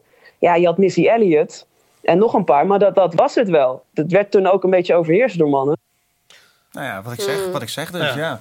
Ik weet zeker, als we, als, we, als we sterke vrouwen neerzetten... als de held van een cartoonserie of een, eh, of een kinderserie... gespeeld door, door, door mensen... en waar de vrouw of de man een ondergeschikte rol is... dat dat binnen een paar generaties compleet anders kan zijn. Ik, dat, dit, dat denk ik echt. Dus aan die kant... eh, eh, als, als die stappen genomen worden, ben ik ervan overtuigd dat dat een langzaam proces verandert. Aan de andere kant heb jij natuurlijk helemaal gelijk. Je moet het wel blijven roepen. Ja. En ook scherp blijven roepen. Ja. En dat, dat, eh, dat is te gek. Nou, wat jij zegt, daar ben ik het eigenlijk helemaal mee eens. Dat, eh, dat zo'n eh, zo'n DJ dat dan roept. Nou, dat dat- ik- vrouwen niet dit zijn of dat zijn. Nou, dan wordt die, die discussie maar eens goed aangezwengeld. Nou ja, daar, daar heb ik ook wel veel con- commentaar op gekregen hoor. Zo van. Ah, eh, moet deze man nou de aandacht krijgen die hij krijgt? En dan moet ik vaak zeggen, maar het gaat niet om, per se om deze man. Weet je, het gaat helemaal niet om, om Mhm. Ronald. Het gaat erom dat hij bevestigt dat dit soort denkwijzen en, eh, en, en overtuigingen er dus nog zijn. En moeten we dan, zeg maar, eh, weet je wel... Ik ben, niet, ik ben laatst besloten van ik moet gewoon vaker... Als ik ergens voor sta, moet ik het vaker uitspreken. En dit was voor mij een Ja. typisch voorbeeld van... ja, ik, hier ga ik wat van zeggen. Ook al gaan mensen zeggen... joh, die man is het niet waard. Ja, dat maakt niet uit. Het gaat om het punt. Overigens eh, heb ik, ik heb veel dingen op reacties op Facebook hierover gelezen. En ik vond jou, jou, wat jij erover zei, nog behoorlijk genuanceerd. En er waren ook natuurlijk wel mensen die daar met eh, mensen, er waren ook vrouwen die daar met een gestrekt been keihard ingingen. Eh, waar ik gewoon veel meer moeite mee heb. En dan nog denk ik dat het misschien wel belangrijk is dat zij dat op die manier doen. En ook al voel ik me daar veel minder eh, bij thuis. En eh, ja, neem ik het misschien dan wel iets minder serieus dan iemand die het een beetje van, ah, van de bovenkant bekijkt en ziet dit er gebeurt er, dat gebeurt er. En toch denk ik goed. Het geeft dat, wel aan, dat het is. geeft wel aan hoeveel frustratie erbij Ja. loskomt. Zeg maar. Dus Nou, bij sommige mensen wel. Ja, bij sommigen wel. Je ziet hoe heftiger mensen reageren. En zeker, ik kijk dan ook naar mensen die meestal niet heftig reageren. Mhm. Dus jij zei net van ja, ik, ik, ik heb jou ook uitgenodigd. En ik weet dat je genuanceerd, weet je wel. En dat niet zo van eh, wij vrouwen tegen de mannen. Maar soms komt dat gewoon in je los. Weet je Ja. wel? Soms is er zo iemand die dat zegt. En dan denk je, to war, weet je wel. Ja. En dan, kan je gewoon niks het aan kan doen. zo averechts werken. Kijk, de Zwarte Pieter discussie. Om het hele ding nog even Oh groter te blazen. my God. Wil ik niet te veel over zeggen. Alleen dit, eh, als je gaat roepen... eh, jij bent racistisch bezig tegen, tegen heel Nederland... dan snap ik dat heel Nederland opeens denkt... What the fuck? Wat, is, wat gebeurt hier? Wat, wat, wat, wat- hè? Ja. Eh, dus ik, ik, ik, ik snap dat dit wel een averechtse houding kan, Ja. kan werken als je ook met, met vingertjes naar mannen gaat wijzen van ja, je bent Ja. verkeerd Ja. bezig. Terwijl, ja. Ik wil hier nog één ding aan toevoegen. Een, tij- een tijdje geleden, ik zit eh, regelmatig in, eh, ook met jou trouwens, in van die panels op de muzikantendagen, noem maar op. Op een gegeven moment was het in het oosten van het land, was er, een, eh, was er ergens ook zo'n muzikantachtige dag, muzikantendag, of, of iets dat daarop leek. Eh, en eh, toen zag je wie er allemaal in panels zaten en dat daar behoorlijk, eh, dat werd behoorlijk gedomineerd door mannen. Daar zei iemand wat over, van ja, zul je weer zien, er worden alleen maar mannen uitgenodigd om dingen te zeggen. En toen zei de organisatie, we hebben evenveel vrouwen als mannen benaderd, maar vrouwen eh, die wilden dit minder snel doen. Eh, dit ligt een beetje in de lijn wat ik weet van eh, eh, talkshows op de televisie. Dat regelmatig voor de vrouwen uitgenodigd, maar die hebben daar geen zin in. En hoe komt dat? Die hebben gewoon zin, geen zin om aan een tafel met mannen te zitten. Waar natuurlijk, daar zitten natuurlijk altijd van die alfa mannen die nogal dominant zijn. En die vrouwen hebben daar gewoon helemaal geen zin in. Ja, dat, dat, Jinek heeft daar ook echt precies over En dit dit is, dit is natuurlijk een heel lastig punt. Dus je kan wel, je kan wel zeggen, ik wil het gelijk hebben. Maar ja, als, eh, als eh, vrouwen zich niet fijn voelen om, eh, om in een panel te zitten... of in een, om wat voor reden dan ook... ja, dan blijft dat natuurlijk Ja. gewoon een soort dominant mannending. Dit Anna. is ook waarom ik er dus wat, wel wat van zeg. En wel het gesprek aanga. Als we het over het gevolg hebben, eh, eh, eh, eh, in de top 2000 staan erg weinig vrouwen. Hm. Eh, de drie oorzaken die Ronald Molendijk aanhaalt. eh, ze kunnen niet goed muziek maken, hebben geen lange adem en voelen zich niet op het gemak in de studio. Als we zeggen dat klopt niet, eh, zet jij er nou eens dan drie tegenover die volgens jou wel kloppen? Ja, maar die lijst, ja, dat is toch heel makkelijk? Dat is een oude grijze man die stemt. Ja. Precies. Ja, ja Dit is- mensen, mensen stemmen op de top 2000. Die stemmen op to- top 2000 nummers. Dus eh, Ja. het, het verlo- het verloop, eh, weet je wel, er is ook wel eens eh, laatst in een hele andere podcast iets over gezegd. Over het, hoe het verloop in zo'n lijst is. Dat is gewoon bijna niet. Er zitten al dezelfde nummers in. En dat zijn al zo lang mannennummers. Ja. Dat, ja, dat gaat toch niet zomaar veranderen. En het, het is ook helemaal niet representatief over wat er nu gaande is. Dus Nee, ik vind maar het ook laat een ik- non-discussie. Maar laat ik dan de vraag zeg maar even niet betrekken op de top 2000. Want jij wil eigenlijk gewoon antwoorden op wat is dan daadwerkelijk de reden waarom die vrouwen zich niet in de charts begeven. Ja. Ja. Dus Of ik zou een genuanceerdere eh, oorzaak eh, willen horen dan eh, wat Ronald Molendijk riep. Ja, nou, kijk, laten we beginnen met het feit... we hebben het over de stereotyperingen gehad. En iemand op mijn Facebook had gereageerd en die bracht het heel mooi. Het was die echt spijker op de kop. Die zei dus, hè, dus een opleiding, muziekopleiding. Daar melden zich eh, muzikanten voor aan. Je ziet dat het, de vrouwelijke aanwas steeds meer groeit. Weet je wel? Dus er zijn er steeds meer die voorbeelden zien. En dus ervoor kiezen om eh, muziek, een muziekinstrument op te pakken... en dat te gaan doen en dan auditie te gaan doen. Nou, dan zie je... be- hij nam het voorbeeld van een drummer. Dus als jij gaat drummen als meisje, dan wordt jou veel vaker gezegd: ja, maar dat is toch iets voor jongetjes. Ja. Weet je wel? Dus jij, jij botst sowieso onwijs tegen die stereotypering aan. Dat, dat gevoel wat je krijgt van: is dat wel iets voor jou? Moet je dat wel doen? Dus daar moet je doorheen zien te bijten. Weet je wel? Dan kom je op die auditie en dan word je ook nog eens minder goed beoordeeld dan de mannelijke drummers. Want die worden over het algemeen in die stereotypering serieuzer genomen, want die komen stoerder over. Weet je wel? Dus dat, dat past binnen het plaatje. Ja. Dus er worden er dan vervolgens minder toegelaten. Dus het is al met al gewoon die hele weg naar dat stukje succes toe... is gewoon echt door de modder heen buffelen totdat je op een plek bent. Dus daar, en daar zijn rolmodellen voor nodig om daar doorheen te komen. En, en, en een flinke lange adem. Ik, zeg, ik denk dat... De, we hebben geen lange adem. Ik denk dat wij een veel langere adem hebben. Je hebt een veel langere adem nodig om überhaupt op datzelfde punt te komen. En dan word je ook nog niet eens hetzelfde beloond. Ja. Want dan kom je ook nog eens niet in die charts terecht. Dus eh, ik denk dat daar zit een heel groot deel van de, eh, van, van de oorzaak. Dat het gewoon dat je echt aan het eh, ploegen bent tegen, of aan het vechten bent tegen vastgeroeste overtuig, sorry, overtuigingen. bepaalde denkwijzen, het, het, het continue commentaar, kritieken waar je maar mee moet dealen, weet je wel. Dus ja, dat, dat maakt het heel lastig voor vrouwen om op diezelfde plek te komen. Ja. Ja. Ik vroeg gisteren, dit is het laatste wat ik over zeggen, want we, blijven, we kunnen blijven gaan. Ik vroeg gisteren mijn vriendin hierover. En ik heb haar heel hoog zitten op, op dit punt. Eh, zij heeft er ook veel over te zeggen.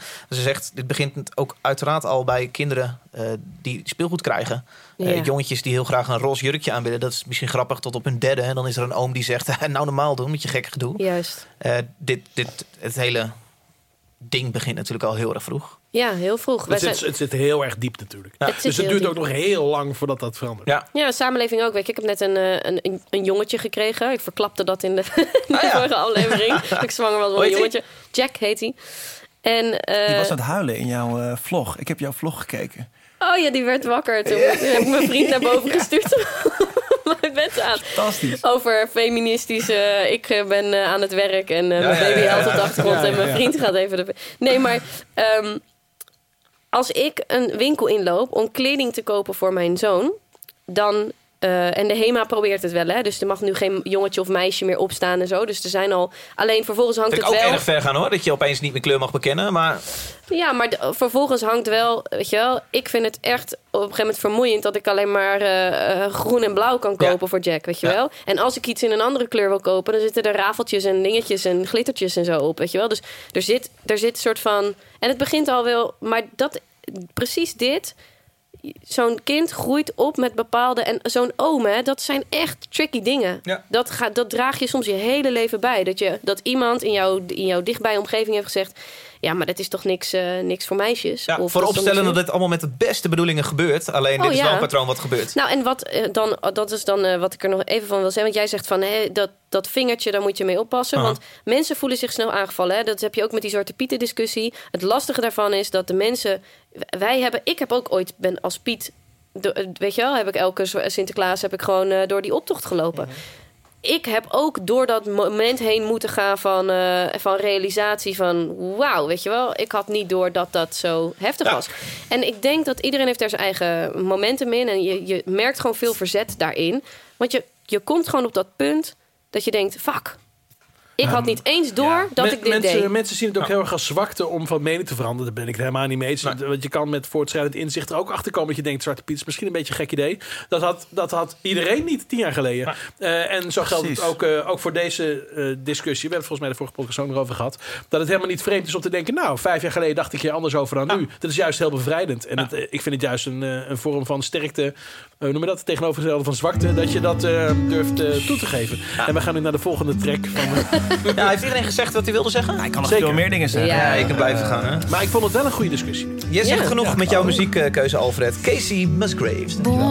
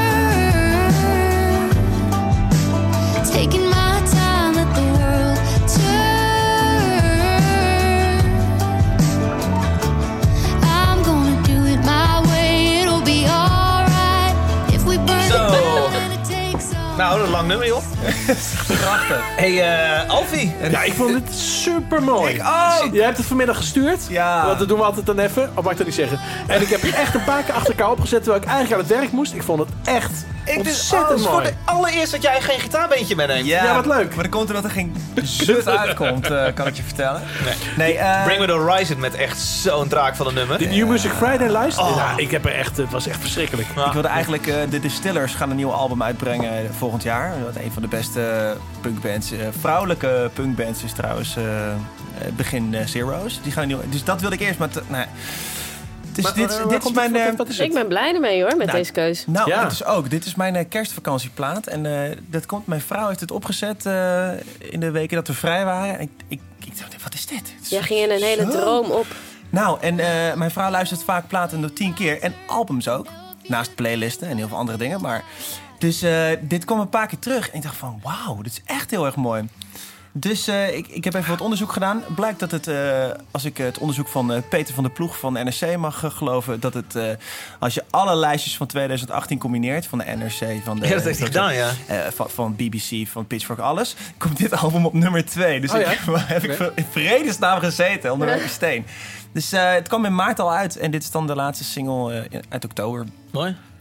Het is gewoon mijn kerstvibe en ik vond het zo Ja, ongelooflijk nee, dat is echt mooi. iets magisch. Als zij gaat zingen, weet je wel. Maar ook, het is ook gewoon heel goed geproduceerd. Gewoon Nou, mild, eh, tof. eh, Het komt, zo, Het komt ja. allemaal zo... Heerlijk. Eh, Casey Musgraves heet ze. Ja. liedje heet eh, Slow Burn. Uiteraard ook te vinden in de, de Spotify-playlist. Natuurlijk. Klap van de molen. Ja, ja. Ehm, ja, waar komt dit vandaan, joh?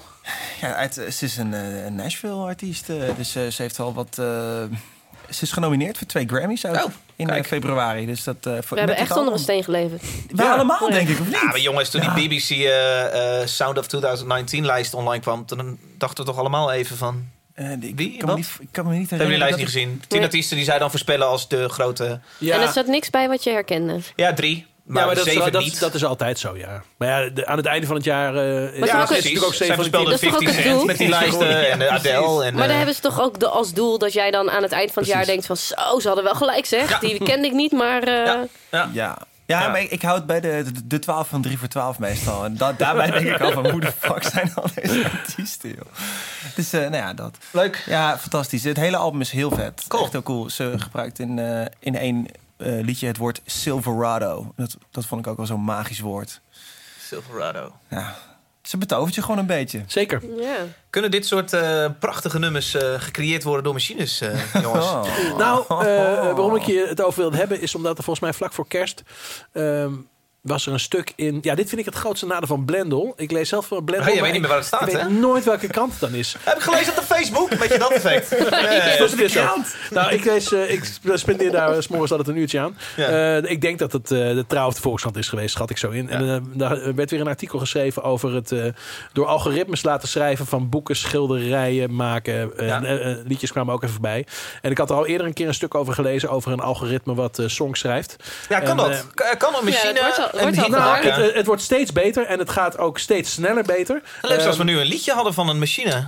eh, ja, nou, dat is er gewoon. Moet je gewoon op YouTube zoeken. ehm, op algoritme muziek. En dan vind je bijvoorbeeld. eh, wat, een muziek, wat een machine natuurlijk heel erg nodig heeft. Is van. Ik wil dat je iets in een bepaalde stijl schrijft. Anders wordt het een zoortje. Ja. Dus er staat bijvoorbeeld een nummer. à la The Beatles op. eh, wat helemaal door een machine is geschreven. En er staat een schilderij. Kan je zo online vinden. Wat helemaal door een computer is gemaakt. Eh, en eh, volgens mij is er nu ook iemand in Nederland met een boek bezig. dat half door een, eh, wordt geschreven. Ehm, er zijn twee dingen interessant volgens mij hieraan. Het ene, is of, het ene is of het überhaupt kan en of het echt goed wordt. Want als je zo'n song luistert, dan heb je toch meteen, tenminste ik, merk je meteen dat het niet door een mens is gemaakt. Oh ja? en, en dat komt, dat staat ook in dat stuk trouwens. Dat heb ik niet van mezelf. Maar dat komt omdat voor een computer is het heel lastig om menselijke intuïtie na te bootsen. En juist intuïtie is een heel belangrijke eh, ingrediënt in een creatief proces om de juiste Ja, dus beslissingen de te nemen. boosheid die je door, eh, door Anouk heen hoort als ze de, als ze de, klinker, de medeklinkertjes op de goede plekken legt. Ja, maar, maar, maar ook eh, waarom je voelt om, waarom bepaalde beslissingen naar rechts of naar links moeten. Dat heeft te maken met intuïtie. En intuïtie wordt ook gevormd door wat je allemaal in het verleden mee Ja. met je draagt. Ja. En dat is heel lastig bij een computer. En dat merk je dus heel erg. Dus je merkt dat. dat eh, kijk, ik denk dat in een, eh, in een goede song, maar ook misschien in een goed boek en een goed schilderij. dat er een balans is tussen wat je verwacht en wat onverwacht is. Ja. Dus, eh, en dat verwachten, dat kan je misschien voor een groot gedeelte door een machine laten doen of door een algoritme. Maar juist het onverwachte van hey, die zanglijn gaat die hele gekke kant op. hey, het nummer niet, duurt niet drie minuten, maar vijf minuten. Eh, of eh, in dit nummer zit geen bas. Of nou ja, noem het allemaal maar op. Dat is juist heel erg lastig door een computer te doen. Dus Ja. de muziek die je hoort, je denkt de hele tijd: wat is hiermee aan de hand? Oh, het is gewoon alleen maar volgens de regeltjes. Ja. Dus ik denk dat de komende tien jaar dat heel erg gaat veranderen. Eh, en dat ze dan ook het zo weten, die algoritmes zo weten te maken dat juist het intuïtieve, wat, de mens, wat er mens zo goed in is, dat hij dat, ehm, dat, die, dat zijn computer dat ook kan bijdragen. Ja, dat wou ik dus zeggen. Hypothe want er zijn, dus, er zijn dus nu al met soort van...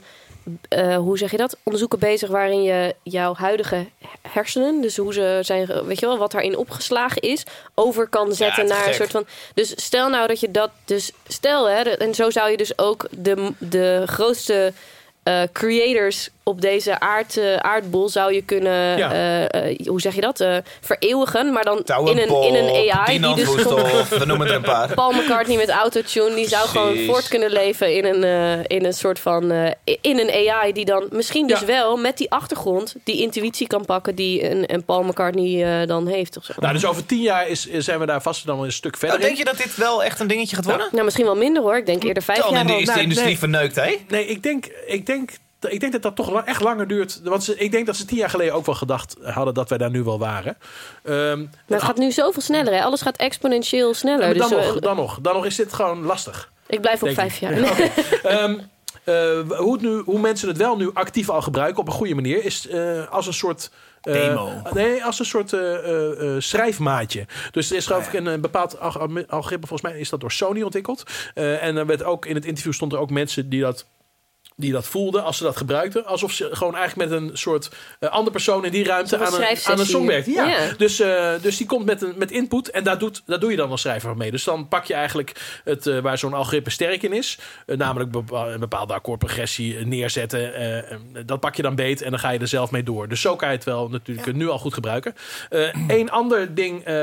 Wil zo'n computer naast hitjes maken ook veel geld verdienen? Heel veel netjes maken, heel veel geld verdienen. Of dat, dat niet? Nou ja, kijk, hier raak je in een hele andere discussie. Eh, is, eh, is het nog wel kunst als het door een eh, Nou, machine is gemaakt? Dat wou ik dus net vragen. Ja, dat is natuurlijk een heel lastig punt. Ja. Oosterling. Oh ja, great. Kijk, Nee. als, een, als, een, als, Ja. een, als, een, als je een kwast aan een machine maakt en die doet op een doek zo bam, bam, bam, bam en die maakt het rood. Bij de gedachte achter. eh, dan, Ja, dan, dan kun je misschien denken, "Hm, dat is een machine, dat vind ik geen kunst. Nou ja, Eh, dat, dus toch de vraag, er is toen toch een onderzoek geweest van waarom ervaren wij iets als kunst, Mhm. zeg maar, en, en welke emotie komt daarbij los en, en waarom komt die los, zeg maar, omdat we iets weten van degene die de kunst maakt, weet je wel, of, of we hebben daar eh, dingen van gezien en, en ik denk dat dat stukje eh, wellicht verdwijnt, of er moet een soort van ander, Ja. ander idee komen van wat AI is en daar moet, weet je wel, nu denken wij dat het gewoon een robot is die zo rechtsom, linksom, linksom iets doet. Maar zo'n AI is veel gecompliceerder dan, Ja. dan dat, weet je wel. En eh, ik denk dat de, ook het, wat kunst is verschuift. Ik denk dat wat kunst nu is alweer heel anders is dan wat het 50 jaar, om 100 jaar terug was. Maar het is, wordt nu wel steeds, nog steeds door mensen gemaakt. Je telefoon, belt er iemand? Nee, David? nee, Oh, dat- is het dit- je- dit je hoort de bezorgde luisteraar weer? niet. Oh, oké. oké. Ah. Ehm, dus... eh, Dit is, dit is een soort telefoonige... Oh, dat ja, horen wij alleen. Ja. Ehm, eh, dus ik ben benieuwd. eh, ik denk ook dat als dit zich meer ontwikkelt, dat die vraag steeds belangrijker wordt. Ja. Eh, is het nou kunst of is het. Maar stond in het artikel ook wat mensen daarvan vonden dan? Nee, het, het was meer gewoon een soort update van waar we nu ongeveer staan. En eh, welke, in dit geval ethische vragen er werden opgeworpen eh, over inderdaad of, de, of dus een, een, eh, een song eh, helemaal door een computer gemaakt. Of, Het gaat dat direct kunst over ethiek noemen. opeens. Ja, Ah, nou ja, dat is een heel belangrijk punt natuurlijk. Maar daar gaan we het nu allemaal niet over hebben. Maar, en ja, wie krijgt het geld, hè? David, dat vind jij dan belangrijk? Ja, Ja, de Buma zit al lang niet meer in onze zak.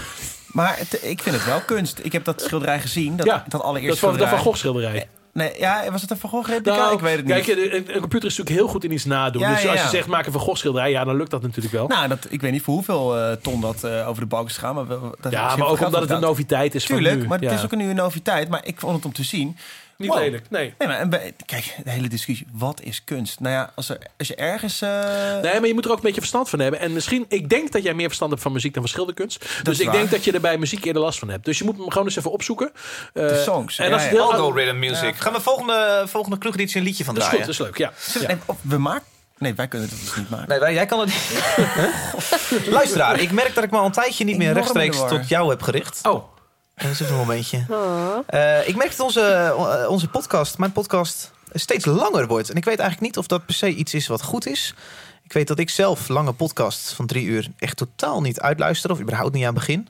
Eh, dus ik wil wel even op Twitter horen. Is dit een goede ontwikkeling of is dit juist... En dan wil ik eigenlijk ook wel die gast horen die dit alleen maar richting zijn werk luistert. En inderdaad denkt, ja verdomme, ik wil het nooit afluisteren. Eh, heeft deze podcast een snellere kop en staart nodig? Laat het even weten op Twitter. Ja, hebben we genoeg gezegd hierover? Of Nou, ik moest Ja, heel erg lachen, want de vorige keer ik dat ben ik bij Frank jou was... Underwoodje. Nee, ja, Oh. de vorige keer dat ik bij jou was, was de podcast... Ander fucking half uur. Ja, ja, dus ik wilde bijna een soort van denken... zou het aan mij... ben ik hier de Nee, ze worden dus echt steeds langer. Met name die Oké. kroegedities. Dan hebben we één zo'n groot onderwerp wat dan echt... eh Ja, maar het is ook heel gezellig met bier en zo. Ja, en, we worden, leuk, hè? en we worden er steeds beter in, denk ik. Maar luisteraar heeft geen bier, hè? Die zit nu gewoon met koffie en een trein. beter. Denk, denk ik. Het is overigens eh, tussen de 25 en 35 jaar, mijn luisteraar. Voor het geval jullie dat interessant vinden. Nou, dat is wel de algemene... De, En blank? zijn we jonger dan de Lekker meeste blank? radiostations. Lekker blank en, eh, en man, dit is heel erg. 81% man. Echt waar? Ja. Oh. Het is toch weer die, die, die 20%, hè? Ja, dit verbaast me. Ja, nee, maar dat, maar het eh, is, het is jonger dan een gemiddeld radiostation. dat is wel waar. Dat is wel, dat is wel, Oh, ja. en er luisteren ook meer mensen naar. Eh, David Achter de Molen nam ook een liedje mee. En eh, ja, jongens, dit is mijn ontdekking van 2018. Greyhaven heet het. Eh, klinkt zo.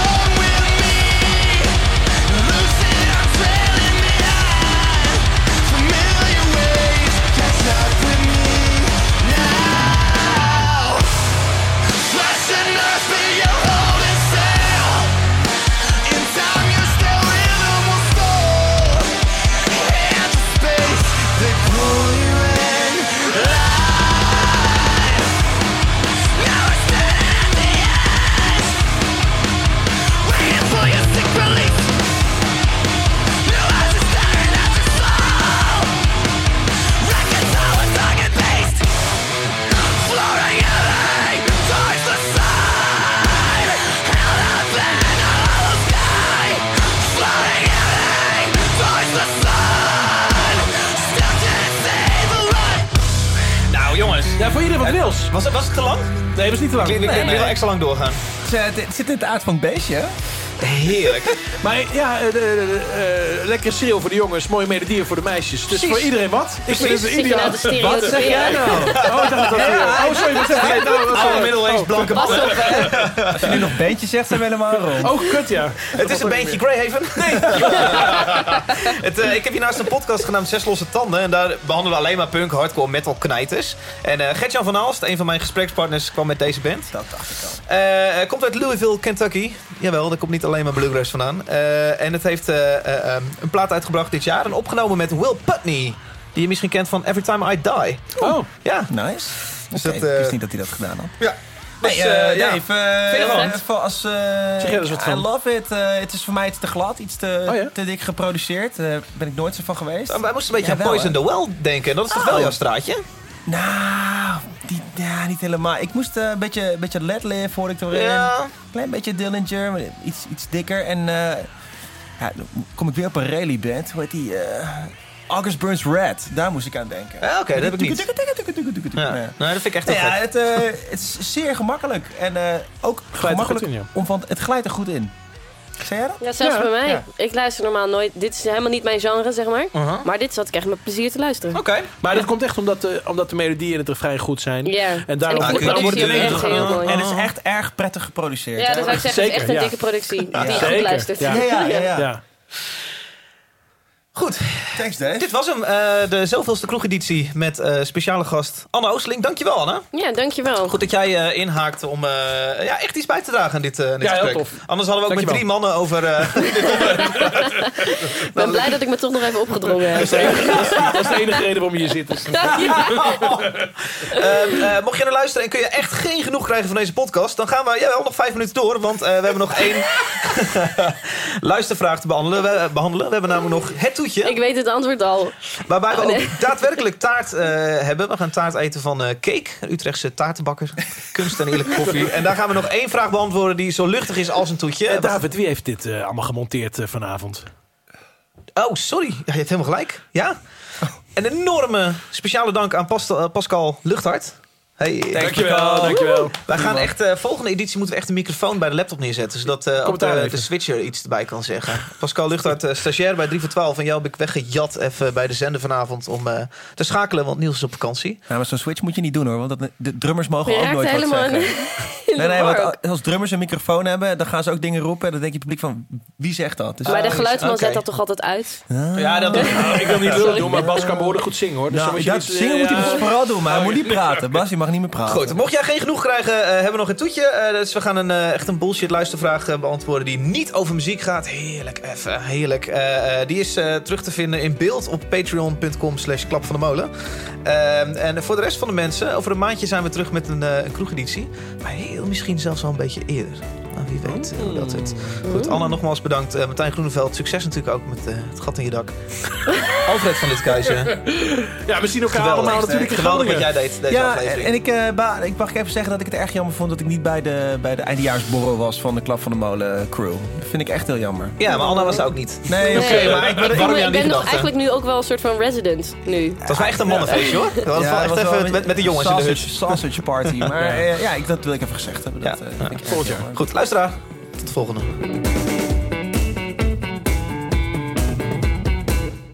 Vond je dit nou een toffe aflevering? Dan is deze podcast uiteraard te volgen op Facebook, Instagram en Twitter. Ik ben tevens te vinden op Patreon. Mocht jij dit een toffe podcast vinden, kun je die financieel steunen. En daar krijg je dingen voor terug, zoals als eerste de aflevering beluisteren, eh, stickers, een shout-out, weet ik veel wat. Ehm, nou, ja, dat kun je doen op Patreon. De website daarvoor is patreon.com slash klap van de. En laat vooral ook even een leuke review achter in iTunes. Gezellig. Alright, tot over twee weken.